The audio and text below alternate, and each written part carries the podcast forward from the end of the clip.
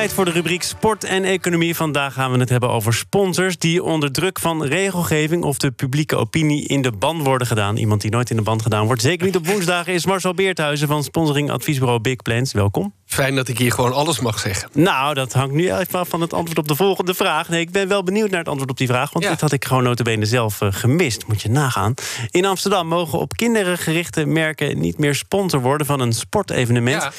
Door wie en wat is daar precies uh, Nou, dat is al een, een, een, tijdje aan de gang. Zelfs uh, de vorige wethouder van sporten, Erik van der Burg, VVD, heeft dit ingezet. Ze hebben eigenlijk gezegd, uh, ja, kwetsbare groepen, en dan met name kinderen onder de 12 jaar, of tot en met 12 jaar, die moeten we beschermen. Dus dat betekent dat sponsors van ongezonde, of, eh, ongezonde merken, ongezonde producten niet meer sponsor worden van eh, sportevenementen waar veel kinderen bij aanwezig zijn. Een voorbeeld daarvan was eh, twee jaar geleden drie, drie basketbal, wat net weer is geweest, maar twee jaar geleden zou Dunkin' Donuts daar sponsor van worden.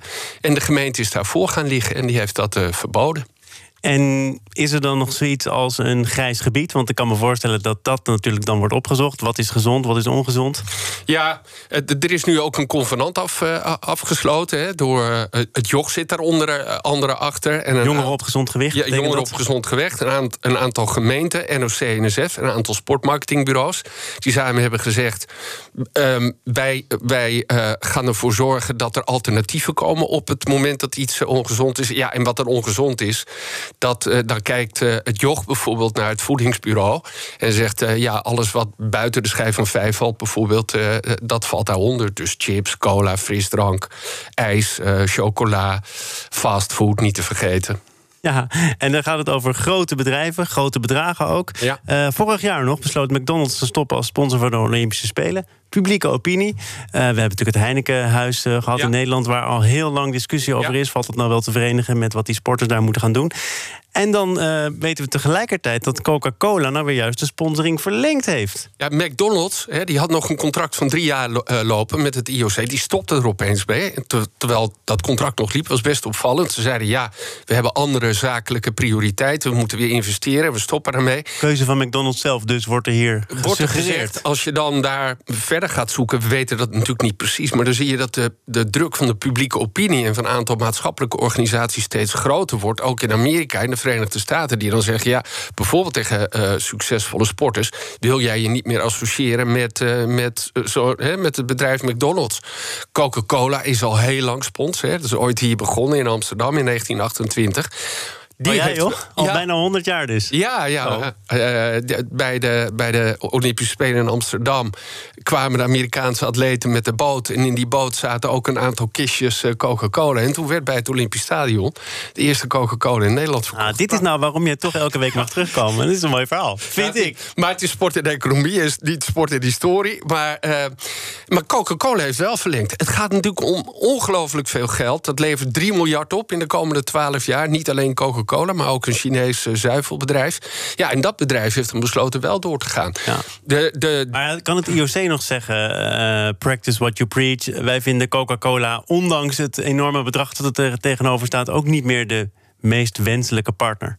Ja, IFC doet dat dus niet. En die kiest in, wat dat betreft voor het geld. Uh, de kritiek van uh, de gezondheidsorganisaties is... ja, ze associëren zich met een sportieve omgeving. Uh, en dat zou niet mogen kunnen. Ja, da daar vind ik zelf wel dat het een beetje moeilijk wordt. Hè. Ik, zeker als het om kinderen gaat, moet je oppassen.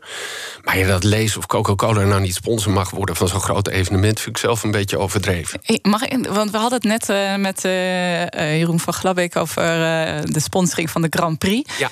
Uh, waarbij uh, zij zelf ook daar flink aan verdienen, maar ook sponsor zijn. Ja. Uh, hij wilde absoluut geen bedrag noemen. heb jij een idee van hoe, hoe duur. Ik denk het wel. Want Marcel is er ook bij betrokken. Ja, nou, ga er maar vanuit dat het pakket waar het om gaat ongeveer over 2 miljoen euro gaat. Waarbij zij een groot deel in natura zullen betalen, omdat ze allerlei diensten leveren. Maar dat gaat om, uh, om serieus geld. Ja, ja. Um, dan over uh, bedragen die, ik geloof, Unibet over heeft om op het uh, shirt van Club Brugge te staan. Dat is een ander heikel thema. Hè?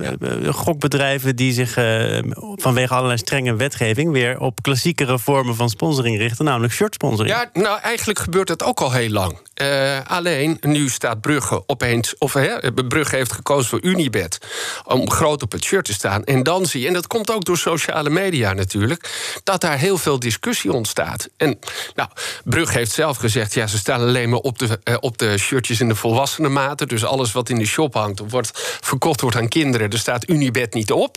Het gaat om Unibet in dit geval. Maar mensen zeggen, ja, het is de duivel, het is een gokbedrijf, dat moet allemaal niet kunnen. Uh, Club Brugge zegt dan ja, maar ook in communicatie houden we daar heel erg rekening mee. Dus we richten ons niet op kinderen. Nou, dit zie je elke keer gebeuren. Hè. Het is een beetje ja, bijna een soort politieke discussie aan het worden. Ja, maar goed, daar horen ook uitgesproken meningen bij. Ja. Ook die van Marcel Beerthuizen. Nou, ik, kijk, één, ik vind dat je kwetsbare groepen sowieso altijd moet beschermen. Hè. En zeker als het om kinderen gaat, uh, moet je daar heel erg mee oppassen. En je ziet nu ook dat bijvoorbeeld als het om koeken gaat die niet gezond zijn, dan mag er ook geen K3 meer op staan. Dus ik vind het ook goed dat daar geen sporters op staan die ook een aantrekkingskracht hebben. Uh, maar het gaat ook over financiering van sport. En ik ben iemand, ik ben wat dat betreft misschien een soort sociaal-liberaal.